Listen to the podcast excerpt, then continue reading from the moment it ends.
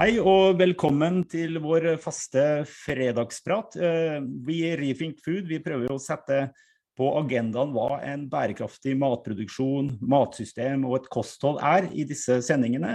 Eh, og vi inviterer ulike eh, gjester som vi gjerne liker å kalle eksperter, for de kan ting bedre enn det vi kan på sine respektive felt. Og i dag så har vi invitert med Arne Sørvik, som er direktør i Bukkestår. Velkommen, Arne. Takk, takk.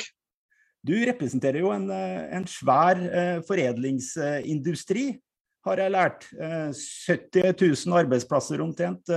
85 milliarder i omsetning, hvis jeg husker tallene sånn røftlig riktig. Det er jo litt mer enn det som kanskje folk tenker på når de liksom ser for seg Bocuse kokkene som konkurrerer i Lyon og vinner flotte gullmedaljer. Eh, men du har et stort engasjement for eh, matproduksjon og har tenkt å feire eh, dagen i morgen, det er vel 18. mai. Hva slags markering er det vi skal ha i morgen, Arne? Du, jeg har bare lyst til å, før vi går på markeringen, bare understreke at Bocuse d'Or er jo en konkurranse som skjer i Lyon. Uh, og um, Bocuse Norge uh, som uh, begrep eller som navn har vi endret til Stiftelsen Norsk Astronomi. og i stiftelsen så gjør vi bl.a. det som er forberedelsene av kokkene, som er i den kategorien at de kan reise ut i verden og konkurrere i den vanskeligste konkurransen av alle. Men det er klart det er et bakteppe her, og det er bransjen, helt riktig som du sier. Uh, og jeg håper vi kan komme litt tilbake til dette med foredling og omfang osv. Men for å svare på spørsmålet ditt, så er jo uh, gastronomiens dag, da, som vi har valgt å kalle det i Norge, det er, uh, den, det er, si, det er et barn som fødes ut av FN-dagen for bærekraftig gastronomi, som er en dag som ble etablert i 2016. Ehm, for å feire nettopp gastronomien og sette bærekraft på, på, agendaen. Og Det er det vi ønsker å gjøre med denne dagen i uh, Norge. Um, vi gjorde det, vi markerte det første gang, første gang, i fjor, og gjentar det nå i år. Um, og For vår del så handler jo dette om at du kan jo si at i serveringsbransjen så er det jo uh, Eh, fest hver dag. Eh, I form av eh, magiske øyeblikk og gode måltider.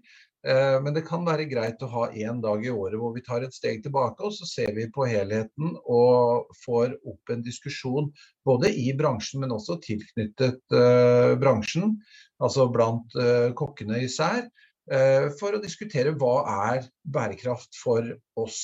Og, og det er et det, det, ja, vær så god. Og, og, det må vi jo pløye litt grann, eh, dypere i. Det var bra du korrigerte på navnet. Du ser jo hvor godt innarbeida boken står er, når, eh, når, jeg ikke ja, huska engang at du hadde skifta navn på, på, stiftelsen. Men eh, rett skal, være, rett skal, være, rett så bra vi fikk med den. Men eh, litt sånn til, tilbake inn mot, mot nettopp FN-dagen og for bærekraftig gastronomi.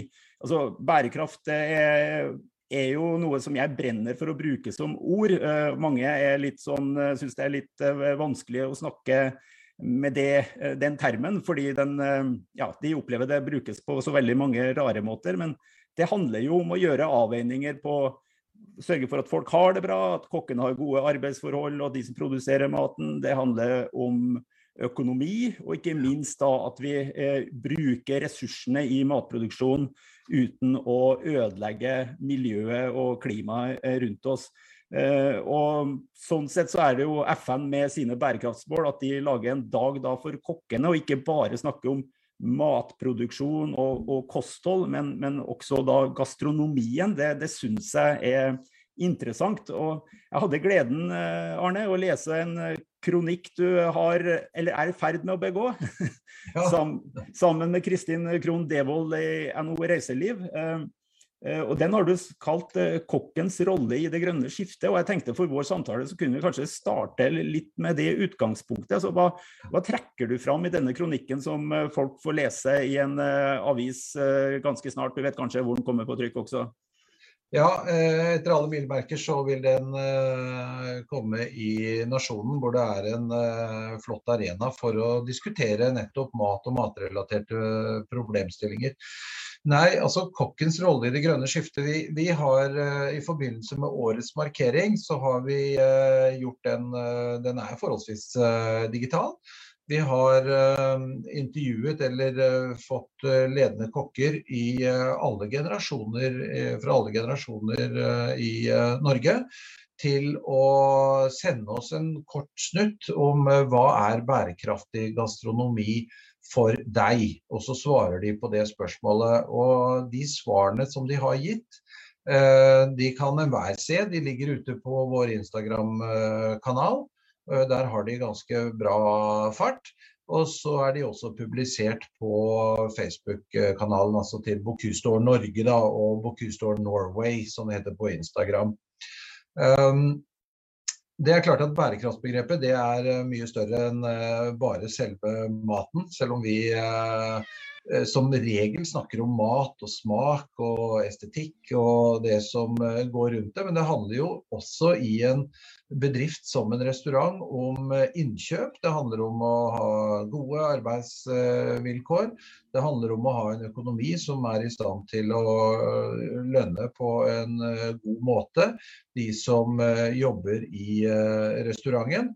Eh, så, så her, det, altså Bærekraftsbegrepet, sånn som vi nå får det inn og får det beskrevet av kokkene selv, er et eh, bredere begrep. Men jeg syns at spesielt kanskje fremhever vi en, eh, en, et utsagn der som kommer fra Philip August Bendy, som er Norges kandidat til Bocuse d'Or nå i 2023. Hvor han sier at for meg så er bærekraftig gastronomi selve kokkefaget.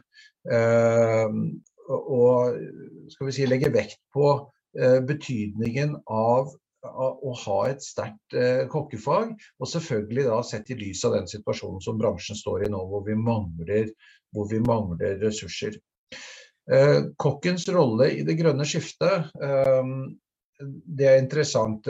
Vi går ikke så mye inn på det helt spesifikt i kronikken, men men eh, det vi har eh, opplevd gjennom eh, tidene, har jo vært hvordan kokken har inspirert befolkningen til både å få en økt interesse for sin egen mat, økt interesse for råvarer, anvendelse av nye råvarer som kommer inn osv. Sammensetninger, smaker, gleden over et godt måltid.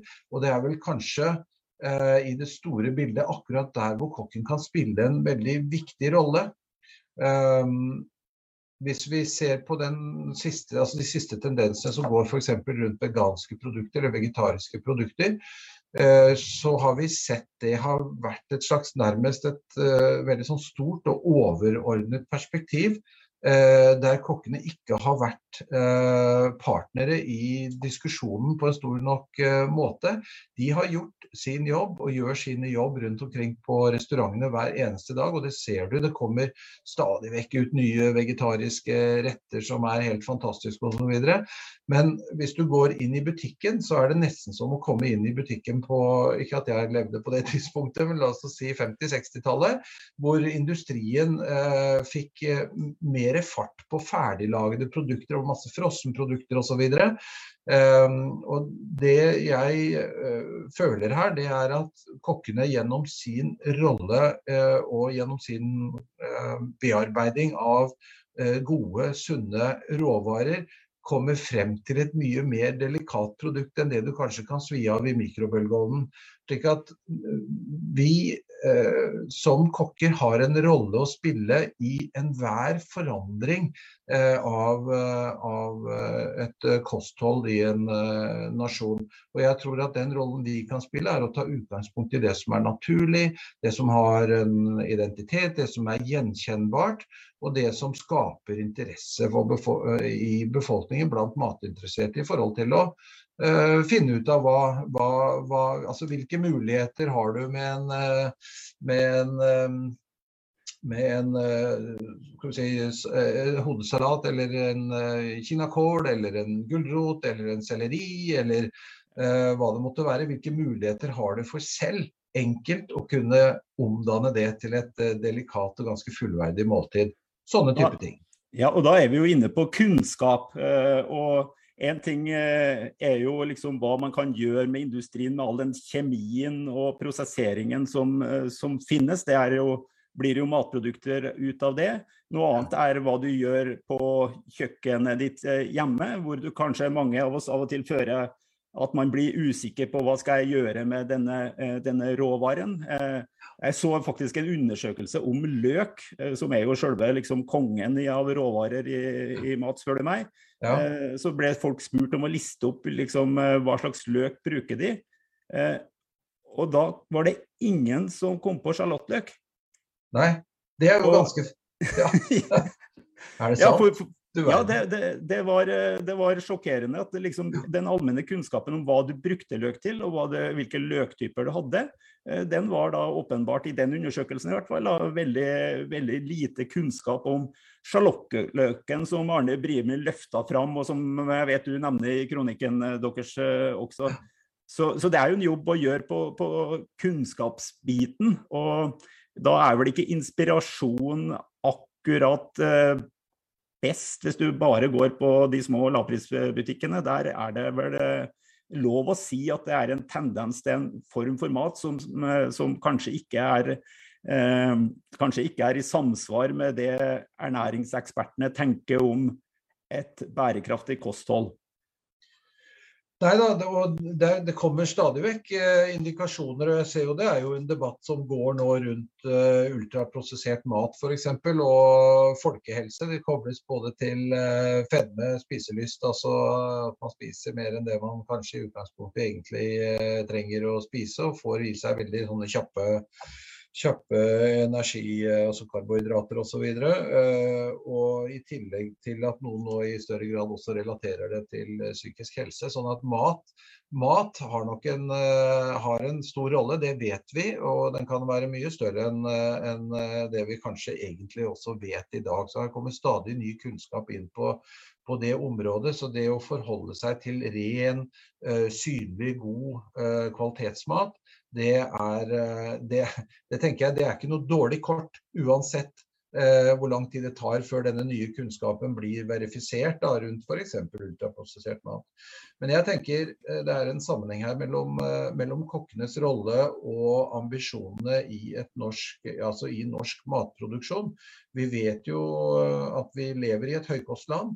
Det er ikke rimelig å, å si, ha folk på på lønn noe sted i verdikjeden. Sånn at, eh, sånn at, det er det ene som ligger der, denne kostnads, eh, kostnadsdriveren. Og det å da argumentere for at du skal kunne ta ut en sånn pris sånn som man gjør, da må det også være basert på en eh, nærmest en slags objektiv kvalitet. Da. Ja. og det vi har sett over de siste tiårene, er jo en voldsom forandring, egentlig. Og kanskje da spesielt i, i jordbruket, landbruket, eh, hvor vi har fått mye mer spesialiteter, hvis vi snakker om foredlede ting som oster eller eh, gårdsspesialiteter. Men også en enormt endret fokus på hvordan eh, råvarene har det. Altså Enten vi da snakker om eh, grøntområdet, hvor vi ser aktører som, som Bama gjør en helt formidabel innsats på å trekke opp produsenter og trekke opp variasjoner på det samme produktet, litt avhengig av hvor det er vokst osv. Vi begynner å snakke litt mer om terroir og sol og jordforhold, altså alt det som er eh, rundt det. Men også på det som går på husdyrproduksjon, dyrehold, dyrevelferd osv. Så, videre. Så alt dette som gjøres der, eh, skal treffe et marked på et eller annet tidspunkt. Og man ser, seg, man ser jo på dagligvarehandelen selvfølgelig, for det er hovedkanalen for for eh, salg av eh, norsk mat. Men når man ser at her finnes en serveringsbransje som eh, har en omsetning i 2019 da, på rundt i underkant av 85 milliarder kroner, så er det også en vesentlig kanal. Og da er det ikke likegyldig hvordan faget, altså kokkefaget, utøves i den kanalen. Um, for hvis produktene bare går igjennom det systemet på en relativt anonym måte, det ikke fortelles noen historie, det ikke forsterkes den matproduksjonen som ligger i, ligger i bunn, så er det egentlig åpent for hvem som helst. Du kan like gjerne få, få en generisk kylling tredd på spyd i Kina, frosset ned og sendt til Norge, og varmet opp og dyppet i en god saus og si at her har vi en, en, liksom en, en god rett. Men det er ikke Eh, det, er ikke, det, er, det, det, blir lite identitet, det blir lite gjenkjennelse i det. Og i, i, et sånt perspektiv så er det viktig at kokken både har det faglige forutsetningen for å gjøre det, at de har også evnen til å formidle eh, det gode som skjer både bakover i kjeden, men også med den foredlingen som de selv står for. Og i tillegg til at bedriftene er oppmerksom på og driver et innkjøp som er basert på kanskje skal vi si, eh, som er basert på bevisste etiske valg. Da. Og vi er allerede godt i gang med det her, så det er ikke noe nytt. Men eh, det å forsterke det er viktig. Ja, nei, det har jo eh, Jeg vil jo si at eh, på de de åra jeg jobba i matbransjen, og jeg har gjort det omtrent eh, like lenge, Arne, så, så må, jeg jo, må, jeg jo, si at ting har eh, utvikla seg til det bedre på den måten at jeg har fått mer oppmerksomhet. Uh, men samtidig så ser vi den gryende oppmerksomheten som det får da i økende grad. Det er jo også en reaksjon på, på hvordan selve foredlingsindustrien har utvikla seg i disse 30 årene. hvor hvor stadig mer av konsumet går gjennom ferdiglaga mat eh, både hjemme på kjøkkenet til folk og på en god del serveringssteder som strengt tatt gjør nettopp akkurat det du beskrev med den kyllingen som har tredd på et spyd. Eh, og det, det, er jo et tankekors eh, i så fall. når ja, Hvis vi tar da EUs Farm to Fork, som vi gjerne liker å trekke opp i, her i, fra vår side i Reefing Food, for vi syns det er veldig mye bra der. Eh, annet så sier de at man skal redusere bruken av, av gift, da, som sprøytemidler og plantevernmidler og sånt. Eh, med 50 eh, så syns jeg jo det er bra. Eh, man må jo da klare å produsere det rent agronomisk da uten disse tingene. Men da bør det jo bli enda viktigere å sette søkelyset på renest mulig råvarer og bearbeiding av de. Hvis ikke så tar man jo bort noe av gevinsten av at man blir veldig naturlig på primærleddet, og så er man unaturlig på, på foredlingsleddet. Da får du vel den samme effekten på kostholdet eh, likevel, kanskje? Ja, det er jo en fare for det. Men Jeg syns det er et, det er et paradoks her. Da. Jo, jo, lenger jeg jobber meg inn i helt skal vi si, den spisse enden da, på, på, eh, både på gastronomien og i serveringsleddet, så ser jeg jo det er jo noen paradokser her. Um, og Det første paradokset som er veldig tydelig, det er jo at dette, altså serveringssektoren, uh, restaurantsektoren, er jo en foredlingsindustri. Eh, det skjer altså Det går en råvare inn i en bedrift X, og det går et produkt ut i, eh, i eh, markedet. Jeg vet ikke hvorfor vi i så liten grad ser på den foredlingssektoren som en foredlingssektor. Det er fascinerende. Jeg tenker at hvis, hvis du jobber i kan du kalle det for sekundærnæringen, da, Eh. Avtakeren fra primær og sier at du skal etablere en fabrikk eh, osv., så, videre, så er det feiring og kutting av bånd, og man gleder seg veldig over det. Eh, og, og, selvfølgelig fordi at det er en mulighet der for stabile arbeidsplasser, inntekter, eh, eh, ja, verdiskapning, da, ikke sant. Eh, men hvis du ser på en, en, liten restaurant, la oss nå bare ta et eksempel. Da. Det er en flott restaurant, eh, Stadholdegården. Ja, den er fin. Ja, ikke sant? Det er en flott restaurant. Eh, det er en av ca. 5000 og 5500 eh, jeg har ikke tallene akkurat her nå, men, men serveringsbedrifter i Norge. Det er mange, og de er små. Men, men Stadholdergården, som vi assosierer med Bent Stiansen og den jobben og den formidlingsjobben som han gjør, som er helt fantastisk, har nesten 40 ansatte. Og det er én restaurant. Eh, som, eh, som eh, da kan vi si, produserer tilstrekkelig til å kunne ha 40 eh, ansatte. Eh, jeg, vet ikke, jeg har ikke antall årsverk, men la oss si at det er 25-30 årsverk. Da. Ja. så når du ganger det opp, så kommer du opp til en sektor som sysselsetter om lag 65 000 personer. I hvert fall så var det sånn i 2019, så må jeg ta noen forbehold om alt som har forandret seg siden da. Men det som er annerledes her, er at du er på neste ledd. Du er på foredlingsvirksomhet i en tjenesteøkonomi. Eh, og det virker som at vi ikke helt har tatt inn over oss som eh, nasjon. Eh, hva innebærer egentlig det? Vi har, eh, eh, vi har nøkkelrollen, da, som er kokkens rolle i denne foredlingsvirksomheten. Den der har vi en uh, toårig uh, utdanning, eller vi har en fireårig utdanning med, med læretid osv. som bringer deg frem til et kokkefagbrev. Men deretter så har vi egentlig aldri tatt på alvor kompetanseutvikling, forskning, utvikling osv. Alt det vi gjør på sekundærleddet idet du etablerer en industri Eh, bedrift. Så det er, det er, det er noen sånne paradokser som, som, eh, ligger inni det. Og jeg tror kanskje vi, vi, vi ser for lett på den foredlingen som, som, eh, som, da foregår. For Hvis du tenker på det antall millioner måltider som forlater et uh, kjøkken med en uh, faglært kokk, i, i, løpet av et år, så er det jo en betydelig både verdiskapning og konsum og avtak fra råvarer, eh, sysselsettingsproduksjon, skatteinntekter osv. Så, så, så, det er jo en betydelig, en betydelig næring. og og vi, vi, har satt oss fore å prøve å få opp uh, tallene og få opp systematikken mer på verdiskapning og det som foregår rundt det. Det er klart at Her trenger vi allianser for å, for å jobbe spesielt på det som går på kompetanseutvikling. Da tror jeg vi, vi, rett og slett inviterer eh, Jeg regner med at næringsminister Vestre sitter og hører på vår podkast, eh, Arne. Eh, ja. Og da, da, inviterer vi han med på, på, dette. For han er jo på jakt etter norske industriarbeidsplasser. Og vi har tidligere liksom vært inne på, på hva mener han med det i det grønne skiftet. Og så har vi sagt at det, det må jo være noe i tillegg til havvind- og batterifabrikker i Norge, som jeg har stor sympati for at eh, det jobbes seriøst og skikkelig med, og at det kan bli store bedrifter i Norge. Men, men det flertallet av bedrifter, uansett sektor, eh, det er jo de små eh, bedriftene, eller mellomstore bedriftene.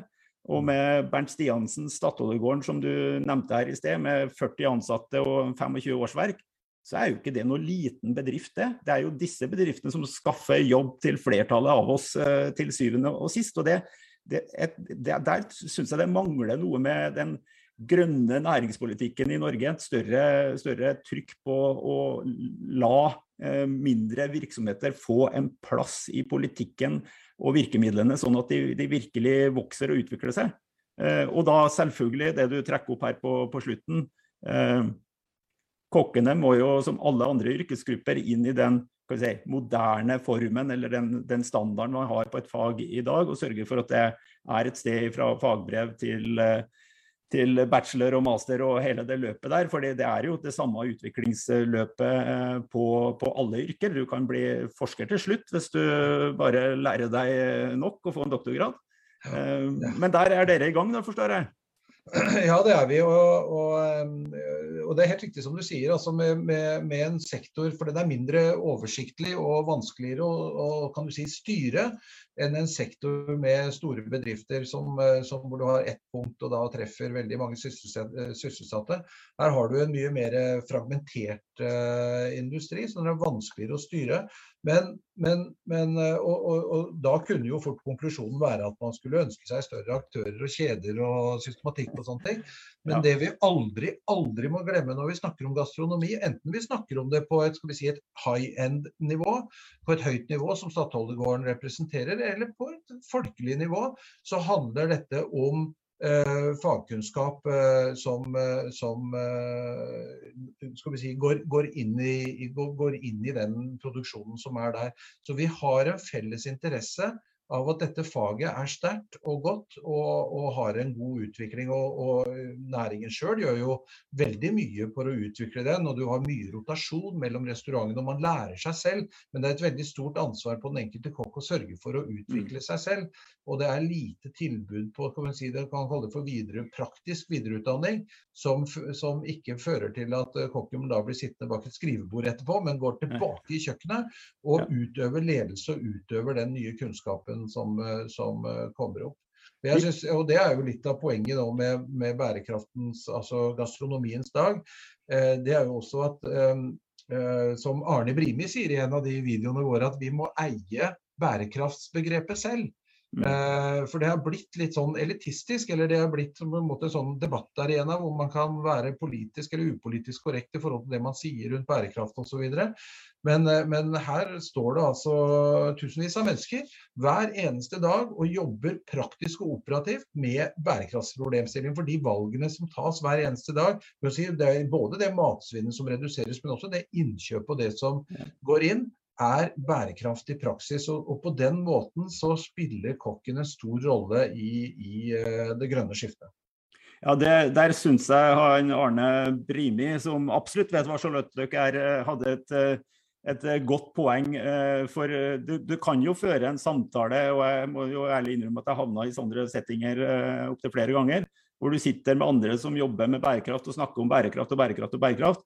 Og vi nevner ikke noe konkret i det hele tatt. Eh, og da blir det jo bare et ordgyteri ut av det. Så, eh, så, der har han et godt poeng.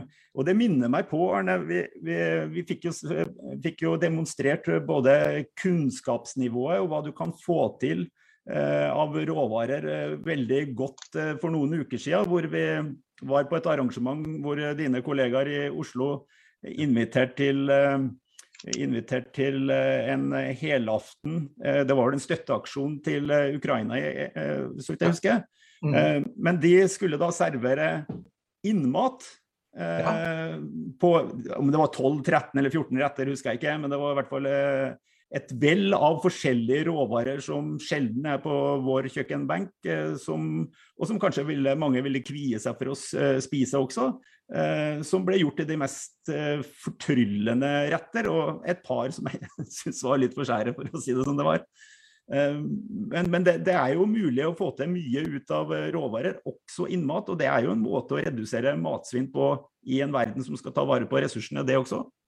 Ja, og definitivt så er det det. For hvis vi kun var på jakt etter fileten og de edle stykkene, så hva skulle vi gjøre da med resten av, resten av dyret? Du har Altså, det var Tore Namstad på Sentropa som, som sto bak den middagen, men der var jo eh, Stian Stiansen var der, og Jimmy Øyen var der fra Rest, og Kjær Dag Kjærsland. og Det var, eh, eh, altså, det var jo kokker fra uh, gode spisesteder eh, i, si, både i Oslo, men også kom fra Finnmark og hadde reinsdyr. Og, så det var jo en fantastisk oppvisning, en veldig veldig konkret oppvisning i hvordan bærekraft kan, kan se ut. Så der burde enda flere vært til stede. Men det var jo fullt, da. Men, eh, ja. men det, var en, det, var en, god oppvisning, og det, og det, vil du se også på de videointervjuene som vi gjør.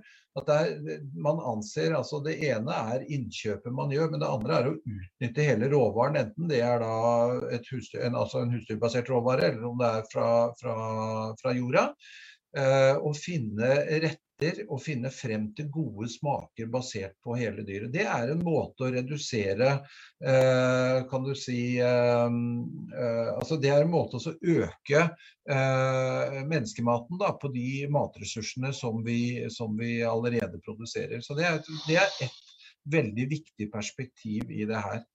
Men det jeg, det, det jeg syns skal også få komme frem på, på tampen her i, i, samtalen, det er jo eh, hvilke Hvis du sier at eh, økonomi også er en del av eh, det bærekraftige, så syns jeg det er veldig interessant nå at, at, Innovasjon Norge, eller regjeringen, har satt i sin reiselivsstrategi at man skal jobbe med å utvikle måltidsturisme.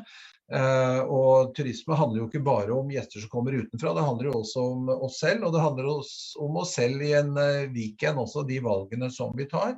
Uh, og inne i en sånn satsing på måltidsindustri, så vil det også da komme opp hvordan, hvordan, kokken også er en verdiskaper i forhold til en reiselivsindustri, mm. som igjen da består av enda flere tusen ansatte som, som jobber med, med, både innholdet i reiseproduktet, men også selve reisen i seg selv. Og midt inne i den så ligger det til og med en mulighet for eh, eksport av norske jordbruksprodukter, som, som ikke er eh, Altså man eksporterer jo ikke mye i dag, men da gjennom at eh, vi klarer å utvikle et kjøkken og et fag som, som, tar utgangspunkt i de gode kvalitetene som etter hvert kommer opp fra jordbruket, og fremmer de eh, overfor tilreisende til Norge. I 2019 så var det over 11 millioner gjestedøgn i eh, Norge. Det kan eh, fort bli mer, det vet vi ikke.